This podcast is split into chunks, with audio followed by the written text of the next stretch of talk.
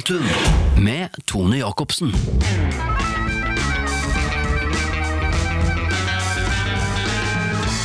Jeg er veldig glad for å ha en av absolutt landets beste edutainere som gjest i min podkast Momentum.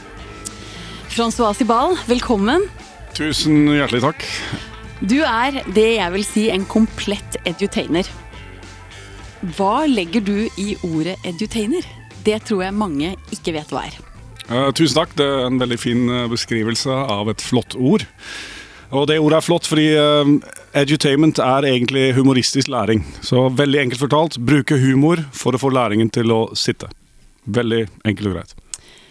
Hvordan kom du inn på den tanken? Altså, hva førte deg da inn i denne rollen som, som edutainer og foredragsholder og konferansier og hva det nå måtte være? Eh, egentlig veldig logisk utvikling. Jeg jobba som lærer i uh, gamle dager, da jeg var uh, yngre. Og på skolen fant jeg veldig fort ut at gjennom humor, bruke det som et konsentrasjonsverktøy, få ungene til å følge med. Så ved å bruke humoren så, så lærte de kjappere. Så jeg gjorde masse stunt i klassen, og da fikk du veldig oppmerksomme elever. Og egentlig bruker jeg samme metodikken på de store barna som sitter i konferansesaler. Men gi oss et eksempel da, fra, fra tiden du var lærer. Eh, Et godt eksempel er eh, det som jeg husker, er en eh, gang i en engelsktime. Da tok jeg stilene til elevene, og lagde en ny historie som jeg fant på selv, og brukte feilene til elevene fra deres stiler i den historien. Så de satt og retta, retta sine egne feil i min historie. Og det var en dobbelttime engelsk, husker jeg. Da etter time én så kom den smarteste jenta i klassen og sa jeg bodde ikke sammen på den tida, så sa hun Øy, Frans, skal vi ikke jobbe med grammatikk snart? Og da hadde de sittet en hel skoletime og jobbet med grammatikk uten å være klar over det. Så det, det funka. Og dette tok deg da inn i det vi kaller eventbransjen. Ja, fra de stilene så tenkte jeg at jeg må jobbe med events. Da skjønte jeg at dette er grepet, nå skal jeg underholde. Ja, ja, ja men det, det er et grep jeg har brukt, det, det var egentlig litt tilfeldig. Eh, Det var På 90-tallet så var jeg med i sånn eh, teatergruppe på lærerskolen i Kristiansand. Så vi gjorde sånn improteater, teatersport. Og så hadde vi satt opp en, eh, en parodi på hva det, Syv søstre.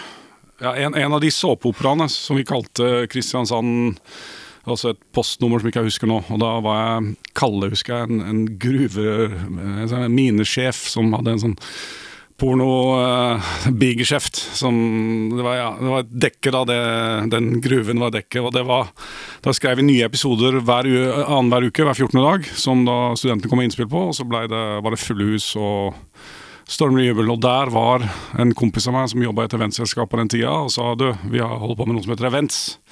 På 90-tallet var det ganske starten på eventyret. Og da ble jeg med og gjorde jobber, og da fikk jeg utfordringer. Vi skal jobbe for den og den kunden, kan du lage en sånn og sånn karakter? Og så begynte jeg å lage karakterer, og så har det bare tatt av og skutt fart de neste tiårene, rett og slett.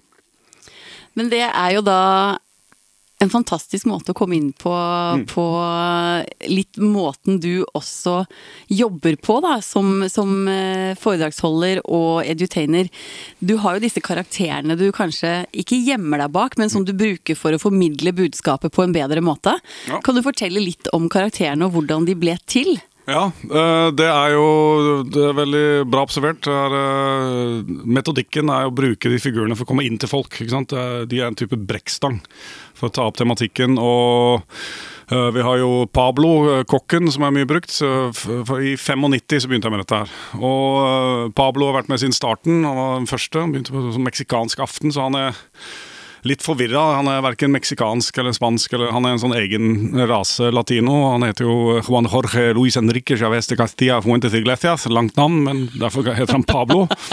Og veldig selvgod eh, latino. Så, så de typene har egentlig blitt til underveis, etter hvert som jeg fikk uh, forespørsel på events i starten, og de ikke visste helt hva de skulle finne på. da alt var nytt, for ingen skjønte hva events var. Og så har jeg egentlig bare skapt de underveis. Så Pablo er en av de. eh, Thierry Dupont var en en trendforsker som kom eh, med sånne lysark back in the days, hvor jeg eh, holdt foredrag med denne franskmannen som så på nordmenn, sett utenfra. Uh, han, han prater med den distingerte franske aksent, og har fransk-norske skrivefeil som bytter ut e med ø, og ikke helt god på ortak, så han er ikke den raskeste kniven i garasjen, og, og litt i den gaten. Og, med, så han prata mest fr fransk-norsk i starten, men uh, nå gjør jeg alt på engelsk. Både Pablo og dr. Dupont snakker engelsk for noe bredere, og så er det mer troverdig, fordi folk Eh, forventer det. Og da, hvis du da Dupont bruker norsk av og til, og da blir folk veldig overraska at oi, kan han norsk også? Ja, Hvordan eh, lærte Thierry eh, seg norsk? Nei, Han uh, har jo selvfølgelig vært gift med mange norske kvinner, og etter hvert så må man jo snakke også.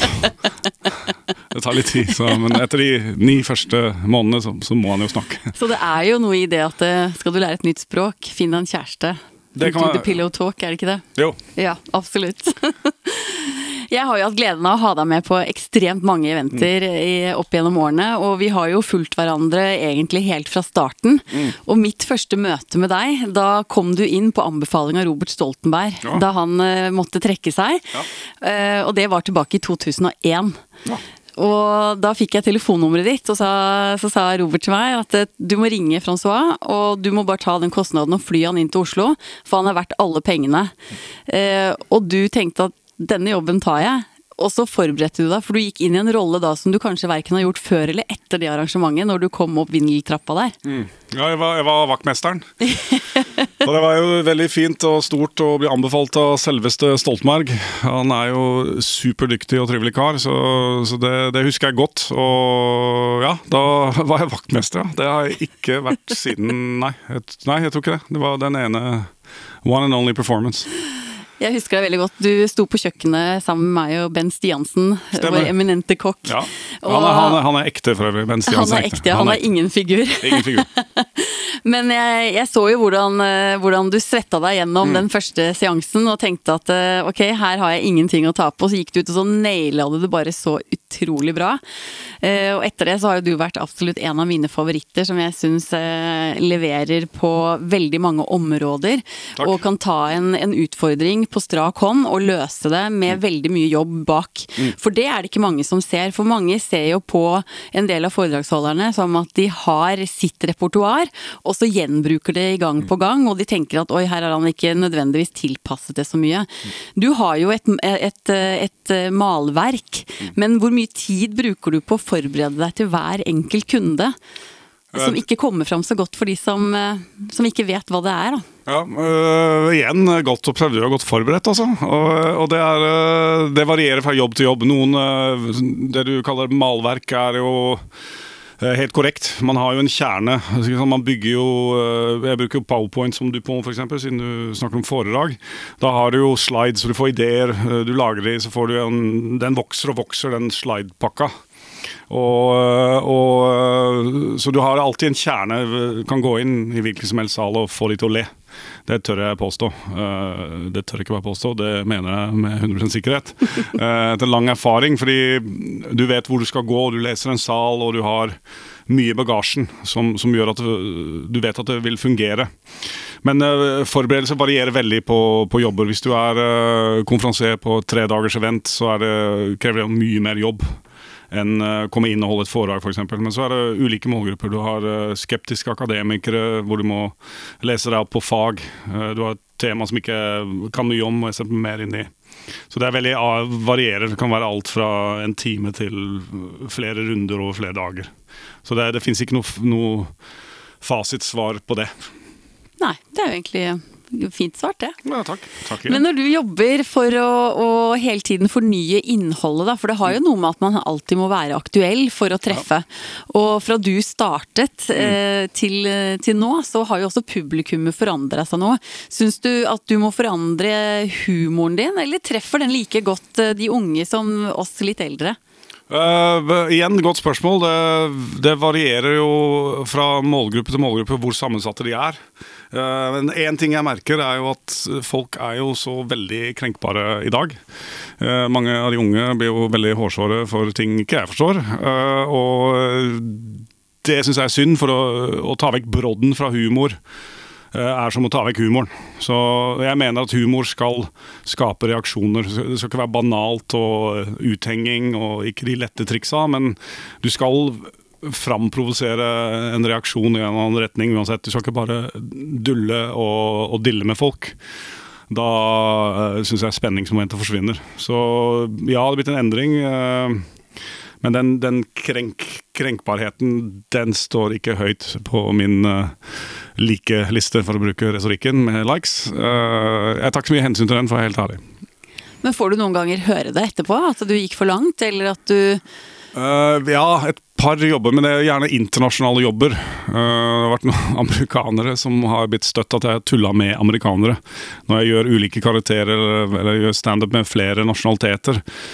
Og da tuller med amerikanere. For ved et par anledninger så har det vært sånn uh, Ja, if it wasn't for us, uh, you would all be speaking German by now. Litt den uh, Marshall-traktaten, eller Marshall-hjelpen, har de Sitter fortsatt litt i pannelappen på de. Og, men ikke Nei, egentlig ikke. Ikke noe sånn som jeg kommer på i farta. At folk har vært grinete for at det har vært grisete eller stygt. Nei. Men det, det tør de som regel ikke si direkte heller.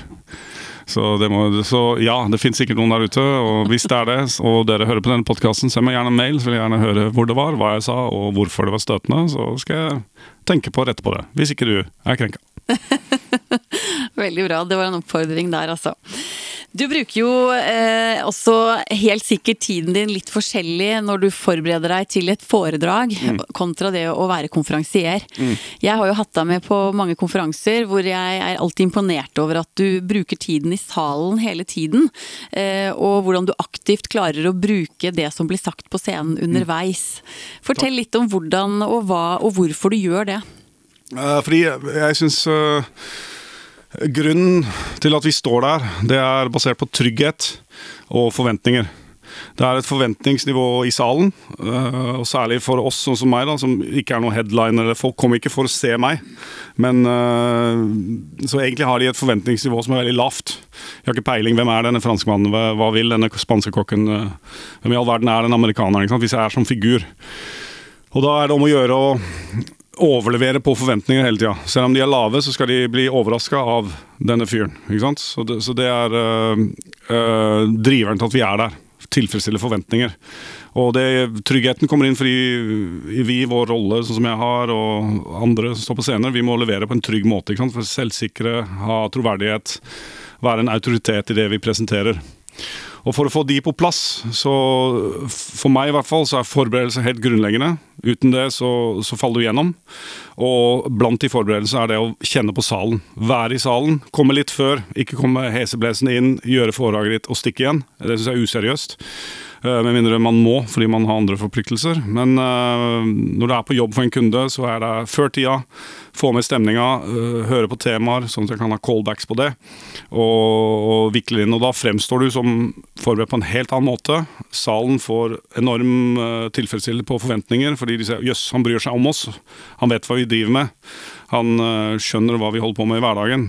Han der vil jeg høre på.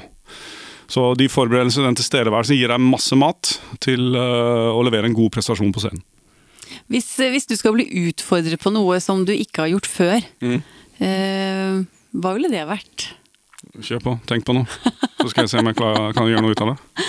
Altså, um, jeg skal re rephrase det. da, altså, hva, er, hva, er, det som gjør at du kommer litt ut av kom komfortsonen din? da, eh, Som virkelig setter all, Når du må sette alle klutene til for å, å, å levere på, på, det nivået du selv forventer av deg sjøl. For jeg oppfatter at du mm. har ekstremt høye forventninger mm. til hva du skal levere til hver enkel kunde. Alltid. Og det er hvis kunden er skeptisk.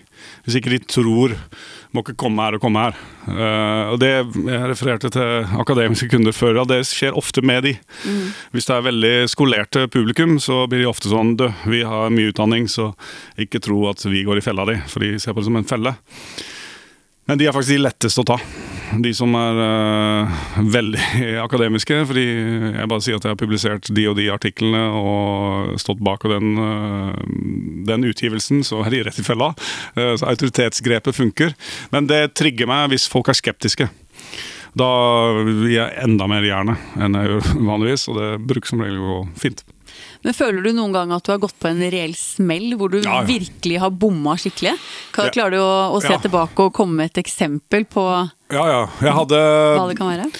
en jobb eh, For Pablo snakker engelsk, og det var for eh, et entreprenørselskap hvor engelskkunnskapene ikke var så gode. Og det hadde jeg ikke fått beskjed om. Jeg hadde møte i forkant, alt var greit, og fortalte hva jeg gjorde.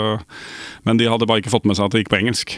Så da jeg kom på den jobben, sitter det folk i skinnvest og rullings og skjønte ingenting av hva kokken sier. Og kokken er ikke sofistikert i engelsken. Det er sånn manuell eh, hotell i særklasse-type engelsk. Uh, I talk like this, you know, latino, uh, spanglish. Så det var ikke avansert, men de eh, var ikke med på det. Og Pablo på sånn norsk-spansk er ikke like morsomt. Da får jeg ikke samme flyten og troverdigheten, så det ville jeg ikke gjøre. Så da måtte jeg bare banne mye. Så jeg banna mye. De lo hver gang jeg banna. Så de var fornøyd, men uh, jeg var ikke fornøyd. Jeg synes ikke det, det var ikke givende. Og så er det hvis det er for mye alkohol. Hvis det er også noe man lærer med, øhm, gjennom årenes løp, at øh, ikke gå på for seint. Og det er også igjen en grunn til å stikke hodet innom salen av og til. Uh, følg med på salens utvikling. Og det er mange faktorer om de begynner å spille høy musikk under middagen, blir mer drikking. At de, at de faller av, ikke kan være med på det verbale. Så jeg har opplevd jobber hvor folk er snøvledritings. Og da, Jeg har gått av scenen én gang i løpet av de årene. Da var de så fulle at de uh, merka ikke at jeg gikk av, tror jeg. Det var, første innslaget var eh, 90% med, andre var 50% med. Siste så sa jeg folkens, neste år så må dere leie en karaokemaskin, for dette her er veldig synd at uh, arbeidsgiveren deres har brukt så mye penger på, og det er i blaffen. Men uh, de 10 som hørte det, var jo de som hadde leid meg inn. Så, så, men uh, da gikk jeg av scenen. Det har jeg aldri gjort før eller siden. Det er lenge siden. Men det er jo også kanskje litt av det ansvaret vi byråene også eh, kan, kan ta, eller som vi også ofte tar. For, eh, for det har jo noe med hvem vi anbefaler mm. til kunden. Altså, Vi skal jo være der og vite hvem er det som er bra på hva, hvem er tilpasset den målgruppen som sitter i salen. Og en god utvelgelse og en god dialog med kunden, så, så skal man klare å unngå den settingen, da. Og jeg vet jo det at veldig mange, både konferansierer og, og, og artister og ikke minst foredragsholdere, selvfølgelig ikke på kvelden, men, men de nekter jo nesten å gå på etter, etter noe særlig etter hovedretten. Kommer du på etter desserten, så skal det være sykt kort for at det skal Ja. være i det hele tatt mulig å få deg på. Eh, og det ligger veldig mye i det, og det er jo kanskje en oppfordring til de som eh, er i altså selskapene, kundene våre òg, at eh, de må tenke seg litt om hva de faktisk bruker penger på eh, når det kommer til sent på kvelden, og kanskje litt hva de legger i innholdet òg. Og vi har jo, vi har jo noen, noen arrangementer og noen konferanser hvor vi har veldig mye utdelinger og awards, og, og dette trekker litt ut. Og man har kanskje et par overraskelser fra salen hvor kunden tenker at det er veldig fint å overraske med å gi litt blomster og, og bruke masse tid på overrekkelser og gode ord, og så glemmer de bare at salen får mer og mer å drikke, og til slutt så går egentlig hovedpremien uten at noen legger merke til det. Eh, og mm, det har sikkert du også opplevd, at du har måttet ja. kjempe med salen for å få oppmerksomheten. Ja, og, det går litt på det med, med ansvar. Jeg har et eksempel. En, eh, en administrerende i et selskap som skulle bare si velkommen til bords i fem minutter, og så skulle middagen gå. Eh, Da sto vedkommende der i 45 minutter. Gjengen var sultne, og siste han sa var at 40% av dere som er i salen nå, kommer ikke til å være med på neste event. Ta godt imot kveldens konferansier. Eh, For de skulle si opp folk, ikke sant? og da skulle jeg på etter det. De var sultne, de var grinte, og 40 av de skjønte at de ikke kunne spise gratis middag på neste samling. Men eh, du nevnte ansvar, og, og det er eh, helt avgjørende. Og det, det ser man også gjennom den tida som har gått siden starten, da jeg starta i 95, som jeg nevnte tidligere. Blitt en veldig utvikling i eventfaget. Og, og det med å ta ansvar på, som du sier, på kjøreplan, gjennomføring, dramaturgi i et event.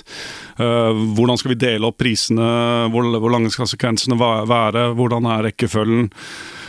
Hvor skal det være talere, lyssetting, eh, skal de faktisk ha blomst og diplom, eller bare diplom på den kategorien? Alle disse detaljene eh, er jo vårt ansvar som arrangører å, gjøre kunden klar over. Kunden er ikke like erfaren som oss, det er derfor de leier oss inn. Og da må vi også tørre å ta det ansvaret og si sorry, det blir for mange eh, priser å dele ut og ta alle ni eh, imellom forrett og hovedrett. Vi kan ikke risikere at vi står med en kald middag. Så da må vi, må vi ta det ansvaret. Og, og, det virker som kunder har blitt mer og mer bevisst på også. At uh, I starten var det sånn, da kom det en sekretær av en sekretær av en sekretær som sa du, kan ikke du komme og gjøre noe morsomt i en halvtime. Den tida er forbi. Nå, det, nå, nå, skjønner kundene hvilken verdi som ligger i events, om det er dagarrangement, kveldsarrangement eller begge deler. Og de investerer mye penger i det og bruker ekspertise, og da må vi som ekspertise også si fra hva som er best til hver enkelt setting vi er i. Og der er jo du veldig fin å ha med i møter, da, for du er jo veldig, veldig tydelig. tydelig. Og jeg vil jo si, hvis jeg hadde vært ny i bransjen og kunne gått i et møte med, med deg, så hadde jeg følt meg veldig trygg på at uh, de spørsmålene jeg ikke da hadde forberedt og, og, kanskje tenkt på at var naturlig å stille, eller du følte at det var kanskje litt uh, ikke nødvendigvis frekt, men at du tenker at du kanskje ikke er på, på din plass og, og så si fra om det, hvor du fint kan skyte inn eh, at her, her må vi tenke på det og, mm. og ta tak i det. Men, men eh, det, drar, det drar også litt inn mot de, de, menneskene vi ønsker å nå, det er jo de unge som skal komme inn i denne bransjen. Mm. Eh, hva er ditt råd, eller hva er det du ser for deg i, i en god prosjektleder? En som, som ja, Hvilke kvaliteter, egenskaper, mm. type person, hvem um. er det som passer i eventbransjen? Bransjen. Mm. Jeg snakka litt med Selma hos deg om det før. og jeg synes Nysgjerrighet er, viktig. i Det, det nevnte jeg før, At man er sulten, nysgjerrig, villig til å lære. For den, den muligheten du får gjennom events som er så allsidige, som er så uforutsigbare, så varierende hver eneste gang, den må du gripe. Og den utviklingsmuligheten må du ta. Og det er ditt ansvar som som uh, ny og up and coming. Det går masse erfaring rundt i korridorene, i salene. Still spørsmål. Uh, vær på. Lær og husk. Og ro, uh, det vet jeg du er enig i. Å være rolig og se folk som arrangerer noe, løpe rundt, er ikke betryggende for de som sitter i salen. For da virker det som de ikke har kontroll. Så ro, nysgjerrighet, og så må du ha masse tålmodighet. Det er mye venting. Det er mye som skjer. Er mye logistikk, mye reising. Så, så er, tålmodighet er viktig, men så lenge du er nysgjerrig, så, så, klarer du å fylle også den tida hvor du må være tålmodig. Og gjør som meg, sitt i salen, følg med. Lær. Uh, masse. Lært så utrolig mye i løpet av disse tiårene, kan jeg si, som jeg har holdt på, at uh, det ville aldri vært foruten. Men hva har vært den største forskjellen på bransjen fra du starta til nå? Altså, hvilken utvikling vil du si vi har, har fått? Hva, hva, har blitt viktigere? Strukturen og bevisstheten rundt events. Det er uh, mye mer gjennomtenkt. Både på forventningssida fra kunder og, og leveransedyktigheten. Jeg, jeg syns norske byråer og norske arrangører er veldig flinke. Vi må være der oppe i verdenssammenheng, tror jeg. Det er veldig mange proffe der ute. Og, så det har blitt profesjonalisert og mer strukturert, uh, definitivt. Så, så det, det, er mer meningsfylt. De, de, når du arrangerer noe, så vil du no, noe med det. Folk har et, eh, et, purpose, et mål med det. Og det var det ikke på 90-tallet bestandig. det kan vi si, Da var det om å gjøre å få mest mulig kjente navn på, sånn at vi kunne skryte av de og de og de. Og har et par til, men jeg husker ikke. De var på eventet vårt. Det har forandra seg. Ja, det føler jeg også har vært eh, en stor forandring. Men du også har jo vært igjennom eh, de siste to årene og er jo vant til å ha publikum. Og du bruker jo mye publikum i humoren din også, gjennom mm. eh, både dagen og foredraget. Mm. Hvordan syns du det har vært å, å måtte ta kamera og, og egentlig se inn i ingenting? Eller bare se på deg selv? Det er jo en ekstrem eh, Jeg liker å se på meg selv, altså. Det er veldig fint. Men, jeg tenkte jeg eh, kunne spille opp den, så du kunne ja, få lov å si det sjøl. Du la opp til en smash. Jeg er gammel volleyballspiller, så jeg liker å smashe også. Men eh, nei, det, i første fasen var jo, som de fleste fikk jeg jo sjokk. Hva i all verden er dette? Vi har jo vært bortskjemt gjennom vår levetid. Vi har ikke hatt så mye trøbbel, for å være helt ærlig. Så det var en enorm omstilling fra superhektiske hverdager og mange år på rad til plutselig helt stille. Og tidlig under pandemien så bestemte jeg meg for å ikke hive meg på den streamingbølgen. Uh, fordi uh, variabel kvalitet jeg hadde, jeg hadde, ikke lyst til det. For jeg, jeg, er som du nevner, veldig interaktiv. Jeg bruker salen, og det er mye av styrken min. Og da, den blir jo borte. Og det å sitte og snakke inn i uh, et kamera og bli, bli, sett på på Teams, er ikke det samme. Det er det ikke. Jeg har gjort en del av de jobbene, men stort sett store produksjoner med flere kameraer og, og god planlegging, det, det har jeg gjort. Men ikke i nærheten av sånn som jeg vanligvis jobber. Men jeg hadde veldig godt av det. Jeg trengte pust i bakken, fikk tid til å lese bøker igjen, og ikke bare reise rundt og gjøgle, underholde og lære bort og få folk til å le og lære. Men uh, for min egen del så var det sunt med pandemien. Å roe ned noen hakk, og jeg fikk tid til å gjøre masse ting jeg ikke hadde tid til ellers. Og det tror jeg er viktig i forhold til den energien du bringer inn nå. Mm. fordi du er jo absolutt i en rolle hvor du skal ha energi som skal smitte over på publikum. Ja. For vi slåss jo eh, om oppmerksomheten på det de pleier å ha på skjermen i hånda si. Så med mindre du klarer å fange den attention, da, så, så mister man den ganske fort. Mm. Eh, og der syns jeg jo mye av ansvaret også ligger hos kunden. At de er flinke til å tenke eh, helhet i arrangementet, og at de har en mening med hvorfor de gjør det de gjør. Og at de har et klart mål med hva alle skal gå ut av salen med. Mm. Eh, og, og jeg ser jo det med de mest proffe kundene vi jobber med. De har så utrolig fokus på at det skal være være et tight program med korte overganger og korte foredrag. Og det er ingen av de som kommer inn som skal i det hele tatt lappe over i det samme temaet. De skal bare fylle hverandre ut på en veldig naturlig måte. Og det ligger ofte mye trening bak. Mm. Og jeg vet jo når vi satt og snakket sammen i sommer at eh, du sa nei, jeg gjør jo foredrag, det er jo 45 minutter, en eh, times tid, det trenger jeg liksom for å dra de inn. Så sa jeg men vet du hva Francois, jeg tror ganske, ganske fort at det kommer til å komme opp 15 minutter, 20 minutter som du må levere på. Ikke bare på, på skjermen, men faktisk live. Og så kom jo denne jobben da i oktober, ja, hvor du skulle gjøre fire 15-minuttere på rad. Ja. Hvor jeg liksom bare Yes, der kom den, er du forberedt? Og du bare Yes, jeg tar den. Men hva tenkte du? Først så tenkte jeg at det er jo nydelig at du fikk ditt 'hva var det jeg sa'-moment. Det er alltid viktig å tilfredsstille publikum. Smash tilbake. Ja, ja smash tilbake. Og nei, det er jo Jeg Skal ikke si nei. Ja, det var kjempegøy, fordi det var annerledes, og jeg må litt ut av min komfortsone. Men i forhold til den karakteren så er den oppbyggingen viktig, for det er en, sånn at de som hører på dette forstår det. Du, jeg kommer jo inn som en, blir interessert som en fransk autoritet, og da er det viktig å bygge opp den troverdigheten for å få maksimal effekt av den figuren. Men i den settingen du refererer til her, så er det var det 15 minutter, så da var det bare en komprimert utgave. Men effekten var jo den samme, som du sa. Så det, det, er, det går an å gjøre det på kortere tid òg. Men uh, det optimale jeg gir meg ikke på den, også, det er å ha den der uh, riktige oppbygginga, sånn at, at, du rekker å dra de ulike retninger. For der var det mer sånn veldig kort oppbygging av figuren, og så hamre inn med jokes og, og eye-openers uh, på rams på 15 minutter. Ups, ut, neste. ikke sant? Så det, det er to, to, ulike format, men, men begge funka. Eller funker. Så, ja, ikke sant. Ja. Og, og, det, vil jo, det vil jo, Jeg vil jo ta med det som en, et godt innspill med tanke på planleggingen mm. av live-eventene som kommer nå. da. Mm. At uh, noe kan være kort og, og konsist, og, og, jobber man bra med det og budskapet blir skikkelig spissa, så blir det bra. Ja. Men du skal også ha noen som har mer tyngde og mer dybde, og hvor du har litt lengre foredrag. Så man skal ikke være så redd for at ting strekker ut ja. en time. Men det er klart man skal heller ikke ha de som går på scenen og, og ikke klarer å, å formidle budskapet litt mer forkorta enn det de hadde før. Jeg tror alle sitter i salen og, og vil fort til målet, da. Mm. Og du må være den som klarer å formidle den reisen så den blir interessant fra start til mål. Ja. Eh, og um, nå er det jo disse gode digitale konferansene eh, et, veldig, veldig etablert, da. Mm. Tror du det har kommet for å bli? Uh, ja og nei. Fordi vi trenger uh, å være sammen. Det har vi jo merket. Vi, så I høst har det åpna igjen. Det var jo bonanza, det var jo på jobb uh, hele tida.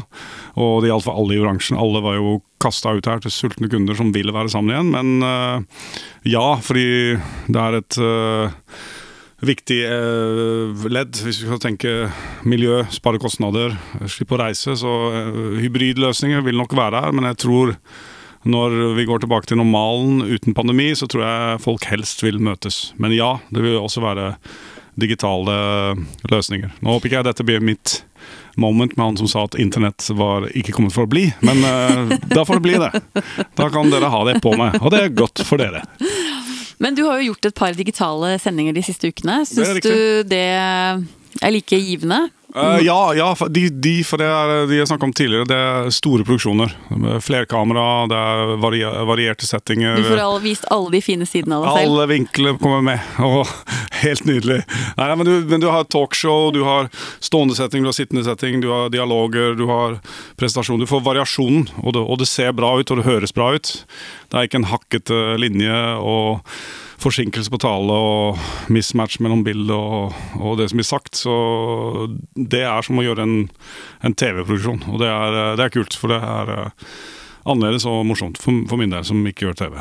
Og det er jo litt det som karakteriserer eventbransjen òg. Det er eh, når vi setter i gang og trykker på knappen, så er det Da er vi live. Ja, ja. Da, da, går toget, og den mm. dagen skal gå uten, eh, uten stopp. Og, og, det må være vel planlagt og godt smurt. Mm.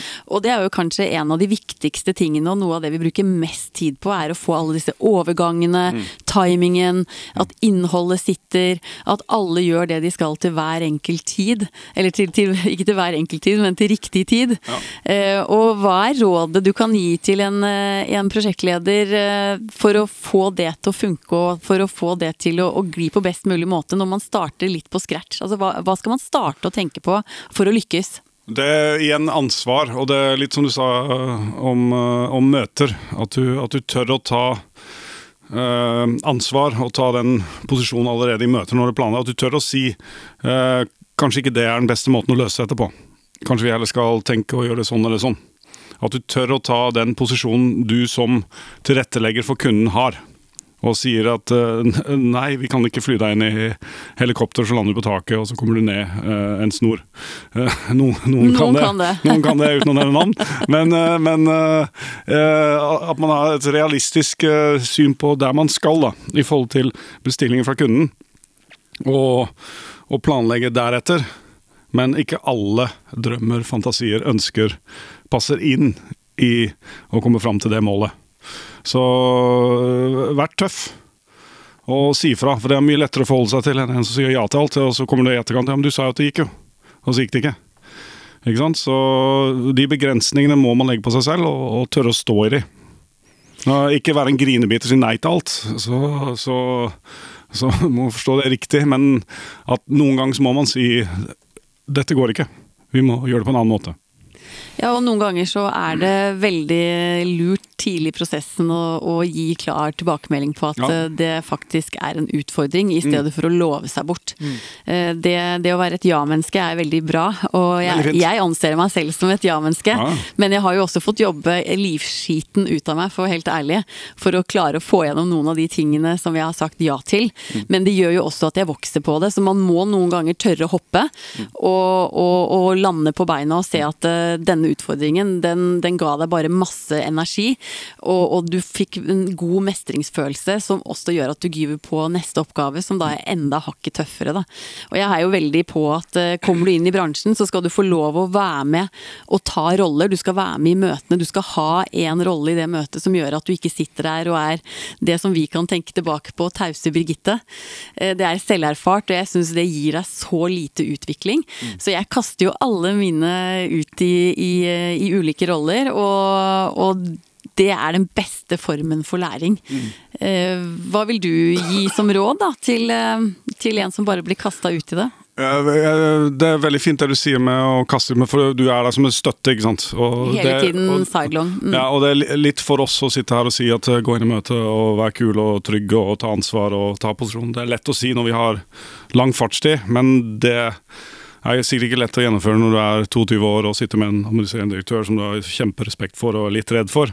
Så det å være sammen, gå inn i team med litt erfaring, at du har en wingwoman eller wingman som, som kan være der som støttespiller, og lære, det er bra.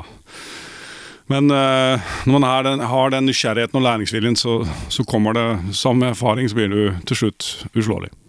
Og så er vi jo en, en stor, fin familie da, som ønsker nye energibunter mm. velkommen i bransjen. Ikke nødvendigvis uh, det at de må sprudle når de kommer inn, men vi skal få de til å blomstre mm. gjennom at vi bidrar og deler erfaringer og kompetanse. Ja. Sånn at de skal føle seg trygge og bli gode i jobben. Mm.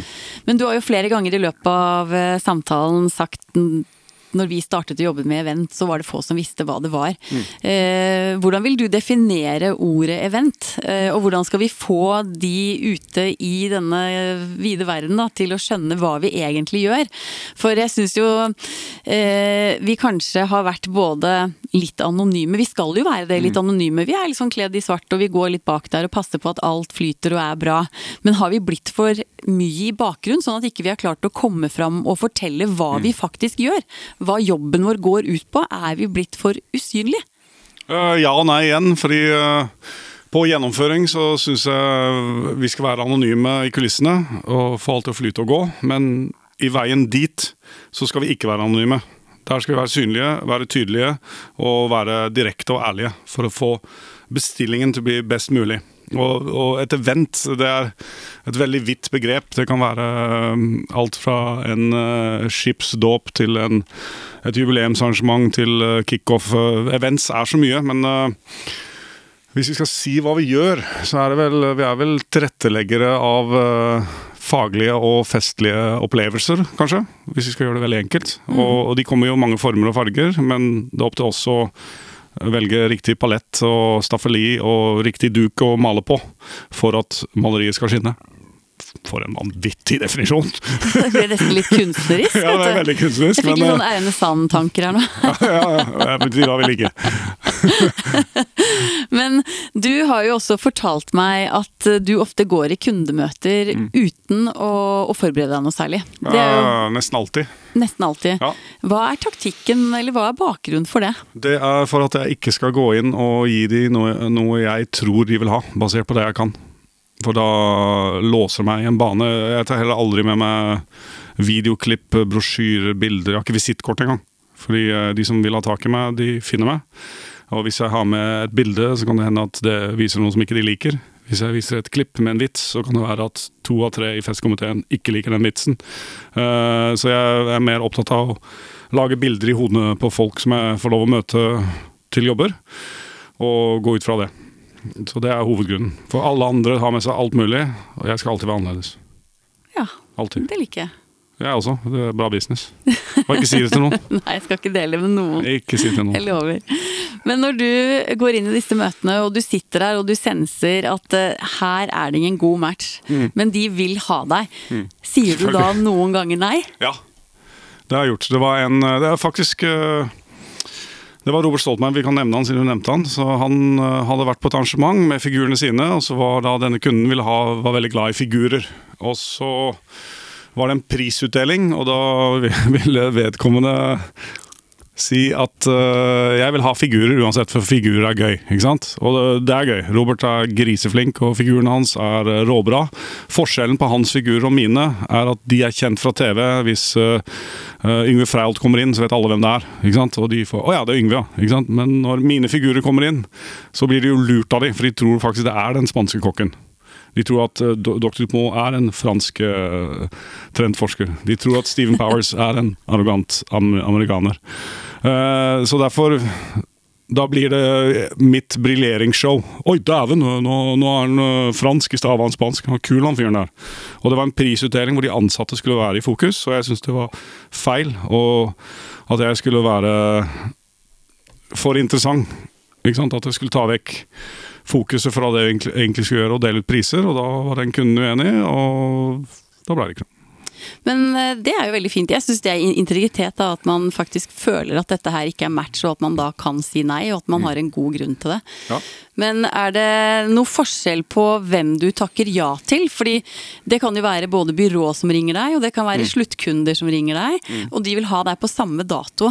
Hvordan gjør du det utvalget? Uh, Førstemann til mølla. Førstemann til mølla, Eh, alltid. Uansett. Ja. Jeg må jo selv si at jeg har erfart det, men jeg måtte bare få det på tape. Eh, Det er en veldig bra filosofi. Ja, det, sånn, sånn er det. Og jeg har jo mista en heftig jobb med deg på nettopp pga. det. Jeg skal ikke nevne navn eller kunde, men eh, det var varmere strøk eh, i lang tid, og jeg var da i Tønsberg eh, og jobbet med noe helt annet. Det har jeg ikke glemt, og det er mer enn ti år siden. Så ja. Men, eh, men poenget er at det er viktig, eh, både for kundene og for min egen del.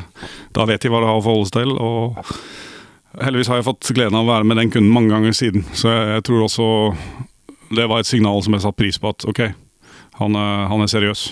Han vil vi bruke igjen. Og det må jeg si, du er jo en av de jeg også stoler aller, aller mest på.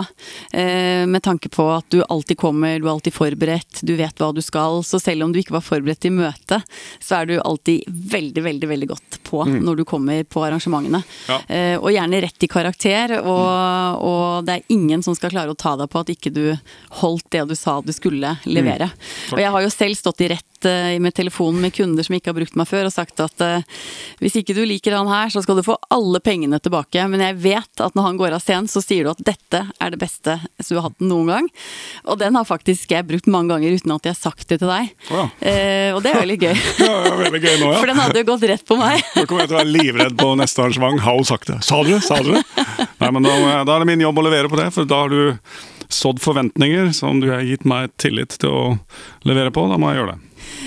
Ja, og Vi skal jo fortsette å jobbe sammen eh, over mange, mange mange år. Og Da har vi det på teip. Jo, ja, nå har vi det på teip, ja.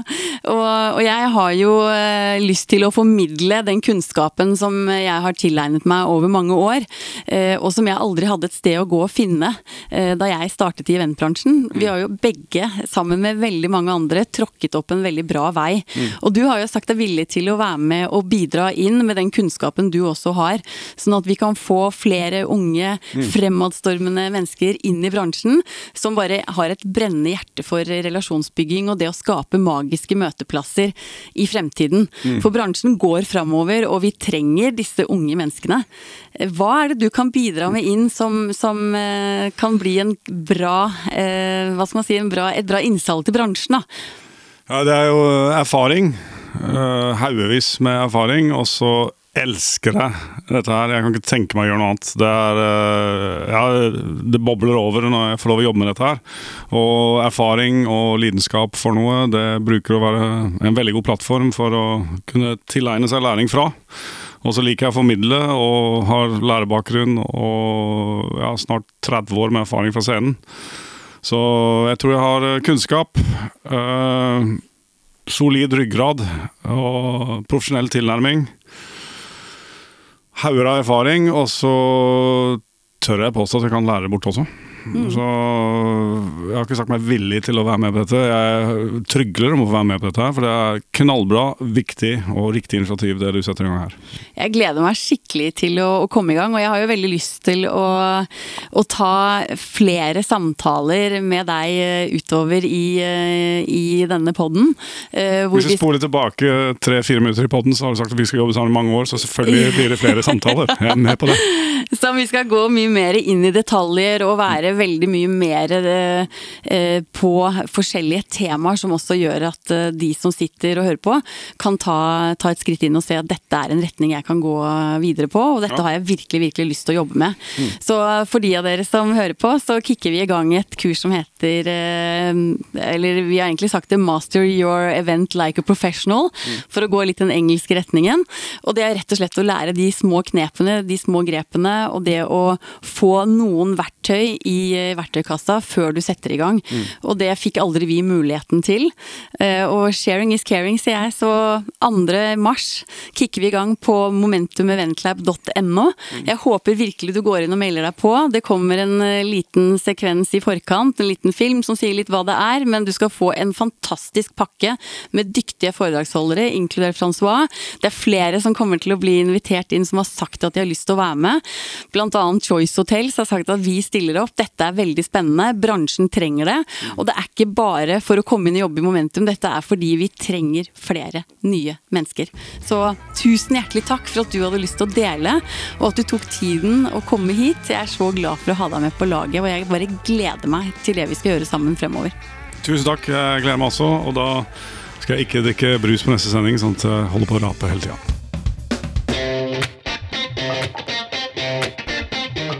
Momentum.